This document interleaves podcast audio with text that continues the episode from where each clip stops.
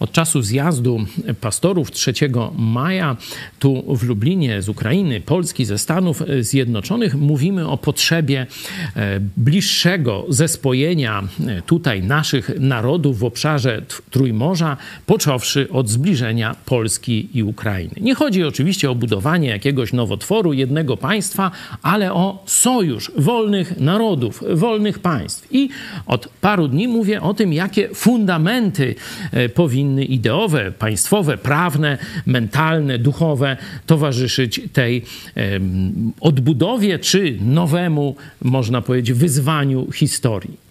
I dzisiaj chciałem powiedzieć o e, dominacji kato-komuny w naszym myśleniu, bo to zarówno diabelski komunizm, jak też i hierarchia katolicka zespolona w jedno od 1950 roku na ziemiach polskich, biskupi katolicy i kacykowie komunistyczni działają ręka w rękę, próbują nas wyzbyć z czego?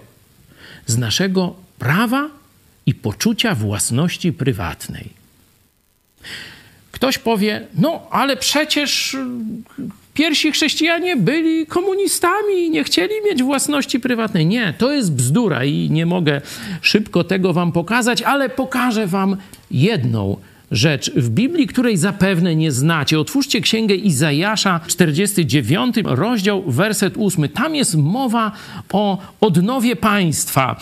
Ten fragment zaczyna się w czasie łaski wysłuchałem cię, w dniu zbawienia pomogłem ci. I teraz przedstawiona jest główna misja naprawy e, w tym państwowym, gospodarczym obszarze naprawy kraju. Posłałem cię, abyś podźwignął kraj, porozdzielał spustoszoną własność dziedziczną.